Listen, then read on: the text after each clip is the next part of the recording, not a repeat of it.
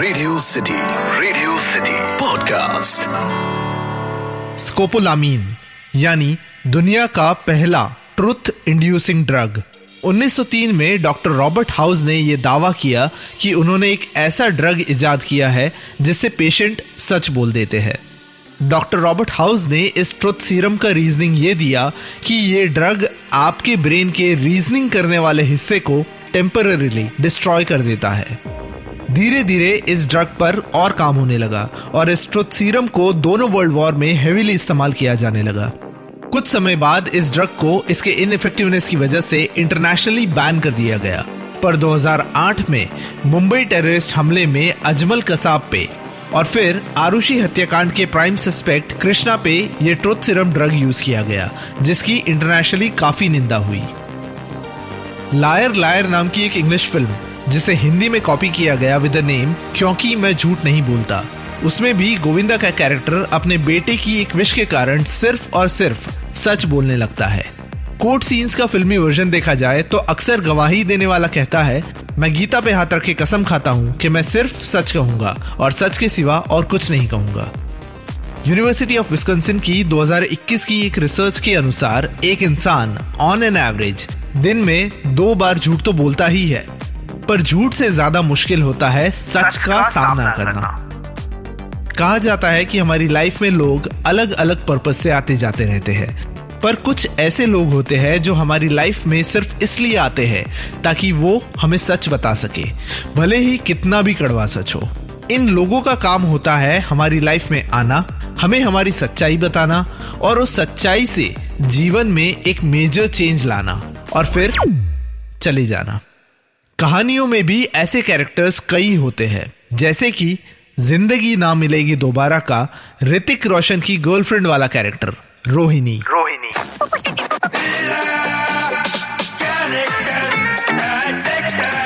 Character dissector with Atiq radio city पर मैं हूँ character dissector Atiq film dissection में कैरेक्टर आक नाम का एक फंडा होता है। बेसिकली एक कहानी के कैरेक्टर में एक बदलाव का कारण। एक चेंज लाना और पॉइंट ए से पॉइंट बी तक जाना। इसे कहते हैं कैरेक्टर आक ज़िंदगी ना मिलेगी दोबारा का ऋतिक रोशन का कैरेक्टर अर्जुन का कैरेक्टर आर्क है कि वो किस तरह से एक money minded strict serious planned और फोकस्ड इंसान से फ़िल्म के एंड में बन जाता है एक फ्री स्पिरिटेड ज़िंदा दिल, मज़ेदार और इमोशनल अर्जुन। ऑफ़ कोर्स इस कैरेक्टर आर्क में बहुत सारे लोग और इंस्टेंसेस कंट्रीब्यूट करते हैं, पर मेरे हिसाब से, ऋतिक रोशन के कैरेक्टर की एक्स गर्लफ्रेंड रोहिणी का कैरेक्टर वो है जो रियली ये बदलाव लाता है। फ़िल्म की शुरुआत में हमें दिखाया जाता है कि लंदन के एक जिम के बाहर ऋतिक रोशन को एक लड़की मिलती है, जो उसे कहती है कि वो कई टाइम से ऋतिक यानी अर्जुन को फ़ोन करने की कोशिश कर रही थी। वो लड़की बताती है कि शी इज़ गेटिंग मैरिड उसकी शादी हो रही है। एंड दैट प्रॉम्प्ट अर्जुन जो अभी तक अपने बिज़ी स्केड्यूल में से टाइम निकालने से कतरा रहा था to go on a boys trip to Spain Zindagi Na Milegi दोबारा कहानी है तीन दोस्तों की, जो सेल्फ रियलाइजेशन ट्रिप पर जाते हैं। और सबसे पहले सेल्फ रियलाइजेशन होता है सबसे स्ट्रॉन्च कैरेक्टर ऋतिक यानी अर्जुन को।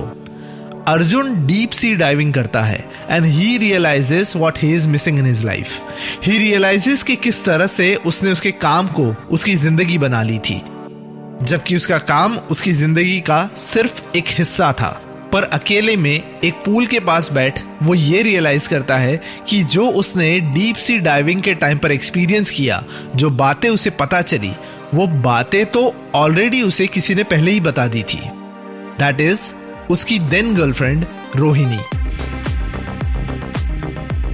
फ्लैशबैक में अर्जुन को याद आता है रोहिणी के साथ हुए झगड़े के बारे में, जहाँ रोहिणी उसे बताती है कि he is making work his life जबकि काम उसकी लाइफ का सिर्फ़ एक हिस्सा है। वो अर्जुन को बताती है कि किस तरह से वो अपनी करंट लाइफ को एक रिटायरमेंट प्लान की तरह यूज़ कर रहा है। अगर देखा जाए तो ज़िंदगी ना मिलेगी दोबारा की रोहिणी, वही बातें अर्जुन को बताती है। फ्यूचर कल आएगा। आज का क्या? जो उसे बाद में लैला बताती है। The day my friend Laila और रोहिणी ऑलमोस्ट सेम ही थे। तो ऐसा क्यों है कि ऋतिक यानी अर्जुन रोहिणी की बात ना सुनकर कटरीना यानी लैला की बात सुनता है? कहते हैं कि सच हमेशा कड़वा होता है। इसलिए हम अक्सर सच को एक्सेप्ट करने से कतराते हैं। अर्जुन की एक्स गर्लफ्रेंड रोहिणी उसे मुँह पर सच बोल देती है। जैसे वो उसे मुँह पर बोल देती है कि अर्जुन ने वो अपार्टमेंट इसलिए खरीदा ताकि वो उसके फ्रेंड्स को इस अप मार्केट एड्रेस से इंप्रेस कर सके।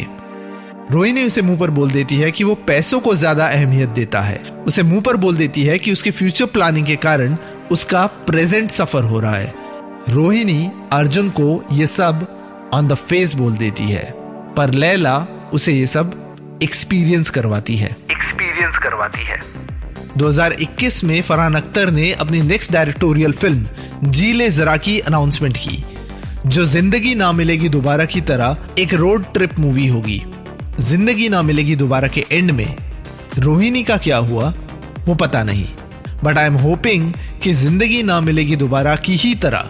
इस रोड ट्रिप वाली फ़िल्म जीले जरा में हमें फिर से कोई रोहिणी दिखाई दे, जो फिर से किसी अर्जुन को सच दिखाए।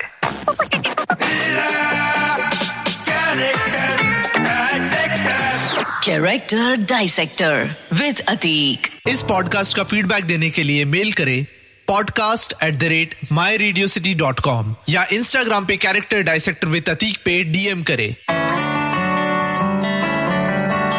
Radio city radio city podcast